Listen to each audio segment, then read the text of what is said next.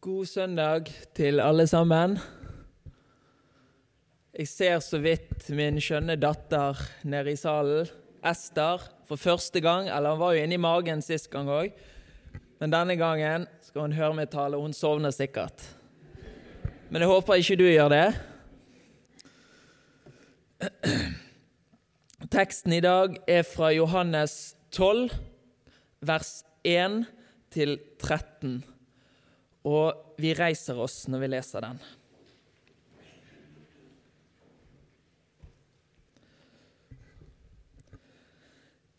Seks dager før påske kom Jesus til Betania, der Lasarus bodde, han som Jesus hadde vekket opp fra de døde. Der ble det holdt et festmåltid for ham. Martha vartet opp, og Lasarus var blant dem som lå til bords sammen med ham. Da kom Maria med et pund ekte, kostbar nardussalve, og med den salvet hun Jesu føtter og tørket dem med håret sitt. Hele huset ble fylt av duften. Da sa Judas Iskariot, en av disiplene, han som siden forrådte ham, Hvorfor ble ikke denne salven solgt for 300 denarer og pengene gitt til de fattige? Dette sa han ikke fordi han hadde omsorg for de fattige, men fordi han var en tyv. Det var han som hadde pengekassen, og han pleide å ta av det som ble lagt i den. Men Jesus sa, La henne være. Hun har spart salven til den dagen jeg skal begraves. De fattige har dere alltid hos dere, men meg har dere ikke alltid.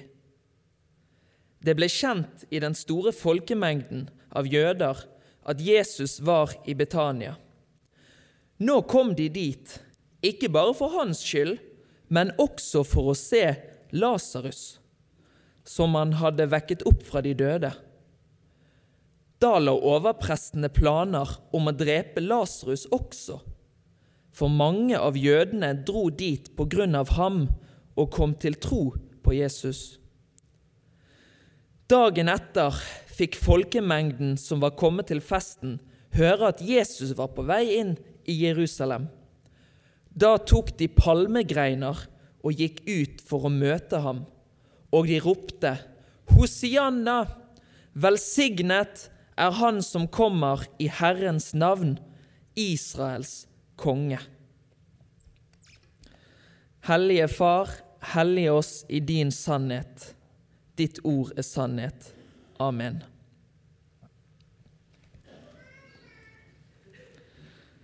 Se, vi går opp til Jerusalem, og menneskesønnen skal overgis til overprestene og de skriftlærde.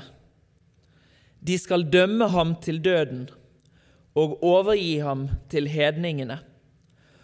Og han skal bli hånt og pisket og korsfestet. Og den tredje dagen skal han reises opp. Det er det som ligger foran nå, nå som vi går inn i den stille uken som det kalles. Jesus han er på vei for siste gang opp til Jerusalem. Jerusalem ligger jo relativt høyt i Israel. Og Jesus vet veldig godt hva som venter. Han vet hva han skal igjennom. Men det var ikke alle andre som hadde skjønt det. Disiplene hvor mye hadde de egentlig skjønt?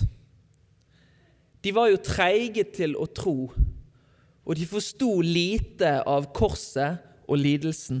Det var ikke så lett for dem å forstå. Jesus hadde tidligere sagt noe ganske lignende som det vi innledet med her. I Markus 9 så sier Jesus Menneskesønnen blir overgitt i menneskers hender, og de skal slå ham i hjel og tre dager etter sin død skal han stå opp. Og så står det Men de skjønte ikke hva han sa, og de våget ikke å spørre ham. De skjønte det ikke. Hvorfor skulle Jesus dra til Jerusalem? Hva er det han snakker om at menneskesønnen skal bli overgitt i menneskers hender? De skal slå han i hjel. Hva er det han prater om? Hvem i Israel var det som forsto hva som skulle skje nå inn i påskeuken som vi går inn i? Hvor mye har vi skjønt? Før han drar opp til Jerusalem på palmesøndag, så tar han altså inn hos Martha, Maria og Lasarus, som bodde i byen Betania, som ligger rett øst, veldig nærmt Jerusalem. Rett øst for Jerusalem. Og før dette så kan vi lese om i Johannes 11, i kapittelet før, om at Jesus hadde vekket opp Lasarus fra graven. Tenk det, han som er selve livet og oppstandelsen, hadde befalt den døde ut av graven. Og etter dette store underet så var det mange jøder som kom til tro på Jesus. Men noen gikk og sladret eller sa det til fariseerne hva Jesus hadde gjort. Tenk da, Jesus har nettopp vekket opp en som var død, til livet. Og så går de og skal si det at 'dette kan ikke vi ha noe av'. Og så holder overprestene og fariseerne råd. Og så står det i Johannes 11,53.: Fra den dagen la de planer om å drepe ham. Derfor gikk ikke Jesus åpenlyst omkring blant jødene, men dro vekk derfra til en by som heter Efraim, i området nær ødemarken. Der ble han en tid sammen med disiplene. Og så drar han altså da opp til Betania. Og det står at Jesus, han elsket Lasarus, han elsket Maria, og han elsket Martha. Så står det i vår tekst at han tar inn seks dager før påske. Og hvis vi regner fra korsfestelsen på fredagen, så blir det altså da sabbaten før, altså lørdagen, dagen før palmesøndag. Og Martha, hun varter opp som vanlig. Men Maria, hun gjorde noe veldig sjokkerende. Hun salver Jesus med en nardus, en krukke nardussalve. Og nardusen den var hentet ut fra en rot fra en plante som vokser i India, var veldig kostbar. Og Judas han sier jo at denne salven kunne blitt solgt for 300 denarer, og én denar er jo en dagslønn, så det kan tilsvare én årslønn. Den salven som Maria heller ut over Jesus. En hel årslønn. Det er ganske tydelig at hun sparer ikke på noe som helst. Vi har jo tidligere møtt Maria ved Jesu føtter. I Lukas 10 så hører vi om at Maria sitter ved Jesu føtter og lytter til hans ord. I Johannes 11, kapittelet før, når budet kommer om at Lasarus er død, så kommer Maria, og så faller hun ned for Jesu føtter enda en gang. Og dette er tredje gangen Maria faller ned eller sitter på kne ved Jesu føtter. Jeg tror det skjedde noe med Maria den gangen hun satt ved Jesu føtter første gangen og lyttet til hans ord. Det livgivende ordet. Han som er selve livet. Og så får Maria erfare dette når broren dør, at han som er selve livet, taler den døde ut av graven. Maria har erfart, erfart at det er hold i Jesu ord. Og så kommer hun med denne salven og heller det ut over Jesus. Den var verdt vanvittig mye. Men vi kan jo stille spørsmålet hvor mye er Jesus verdt? Var han verdt det? Ja, Jesus han er verdt mer enn alle himler til sammen. All jorden og alle himler. Universet har et sentrum, og det er personen Jesus Kristus. Vi aner ikke hvor mye han er verdt. Maria hadde fått sett noe inn i dette. Vi synger jo i sangen i sangboken Han er perlenes perle og skattenes skatt. Han er mer lys enn det daggry som faller på natt. Han er alt for min lengtende sjel her på jord. Jeg vil heller ha Jesus og gå i hans spor. Maria hun kalkulerer ikke. Hun tar den kostbare salven, som mange vil si er bare sløseri. Tenk det er en hel årslønn på én person én kveld. Men takknemligheten fra Maria, den sprenger alle grenser. Sprenger alle grenser. Og denne duften av takknemlighet fyller hele huset. Hvis vi husker tilbake igjen til Lukas 10 igjen, så var det Martha som var så opptatt med å tjene, og Maria som falt ned for Jesu føtter. Hvem var det som virkelig tjente Jesus? Det var jo Maria. Det var der den sanne tilbedelsen kom fram. Maria som viste dette når hun øste ut denne enorme pengesummen på Jesus. Hun hadde fått sett noe av hemmeligheten ved Jesu person, og hun foregriper jo Jesu død. Judas han reagerer på dette og protesterer, for han aner ikke hva sann tilbedelse er. Jesus hadde tidligere kalt Judas en djevel. Og her i teksten så kalles han en tyv. Han var grådig. Og her har vi disse to motpolene. motpolene. Maria som ikke kalkulerer, som heller ut i takknemlighet.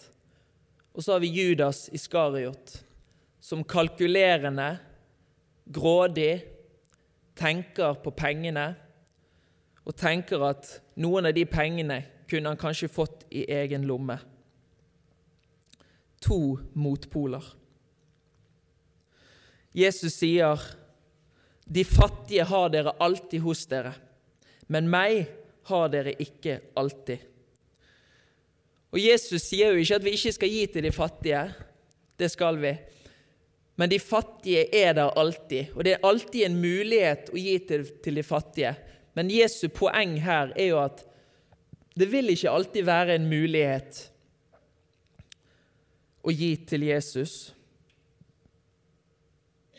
For Jesus skulle snart bli tatt ifra dem. Det er ikke alltid en mulighet. Og Hvis vi kan tenke, trekke en parallell, så Det er ikke alltid det er nådetid. Så Øyvind Samnøy sier vi må gå om bord på fergen når fergen legger til kai. Det er ikke alltid nådetid. Men nå er det nådetid. Søk Herren mens han er å finne. Jesus, himmelens og jordens skaper.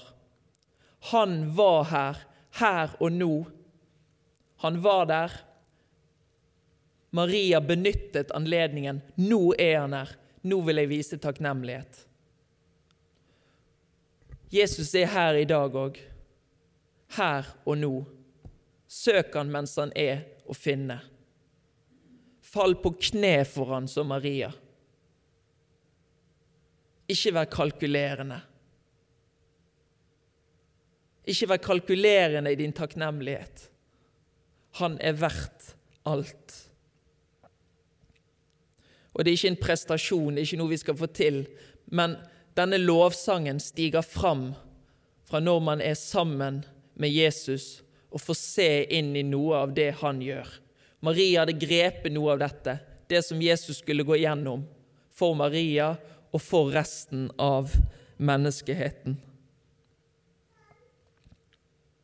Den takknemligheten og den tilbedelsen som hun viste.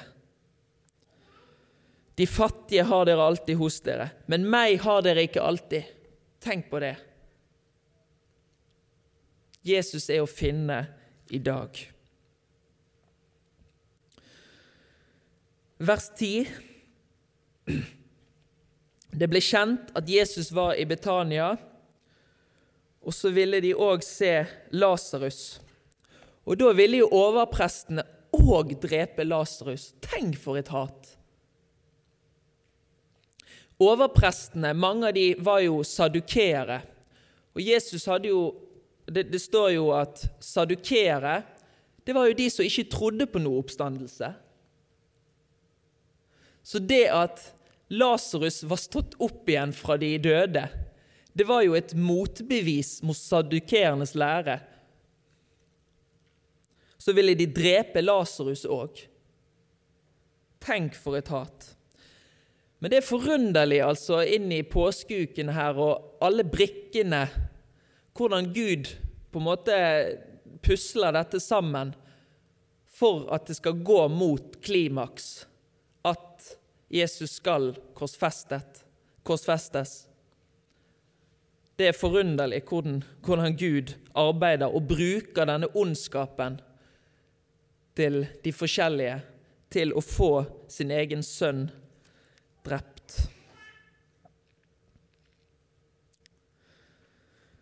Og så, neste dag, så er det palmesøndag. Så tar de altså palmegreiner,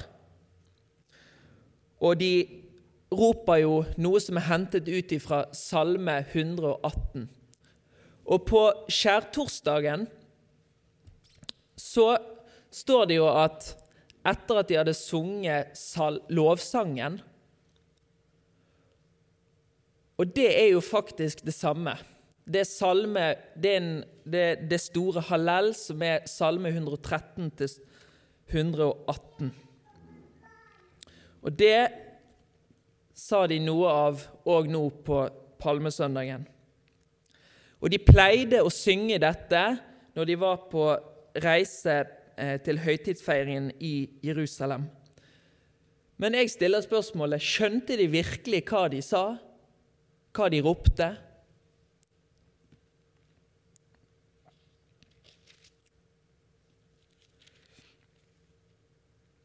Hosianna, velsignet er Han som kommer i Herrens navn, Israels konge. Dette var jo en Messias. Dette er jo en Messias-tittel. Dav, Israels konge. Dette er jo helt klart talt om den salvede Messias. Han som var profetert om i Det gamle testamentet. Men skjønte de virkelig dette? For noen dager seinere så ropes det at han skal korsfestes.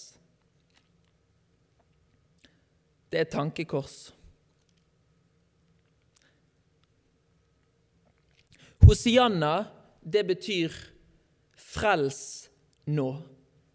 Frels nå. Og det syns jeg er, er veldig fint. Frels nå. Ikke i morgen. Ikke om en uke. Eller som noen sier, jeg skal omvende meg når jeg blir gammel, for da kan jeg gi livet mitt til Gud. Frels nå. Det er nå nådetiden er.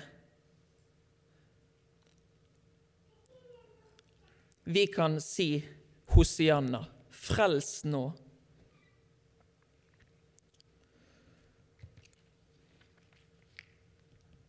Maria hun hadde forstått noe av dette. Hun hadde skjønt noe av Jesu person, noe av hemmeligheten ved hans person. Så lyttet hun til Jesu ord. Hun ble stille for Jesu ord. og da fikk hun se noe inn i dette. Og så springer takknemligheten fram.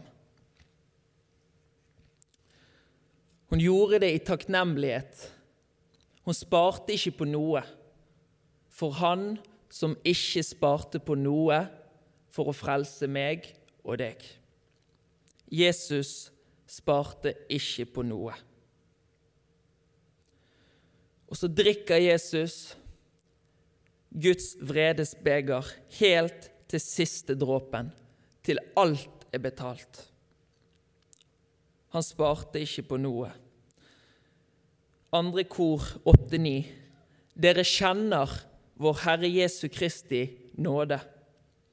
Enda han var rik, ble han fattig for deres skyld, så dere skulle bli rike ved hans fattigdom. Takk, Fader, at du var så god mot Adams falne ett. Du frelste oss ved lammets blod og gav oss barnerett. Deg priser nå hvert åndedrag, hvert sukk og hjerteslag. Guds lam for all den kval du led. Takk, takk i evighet. Amen.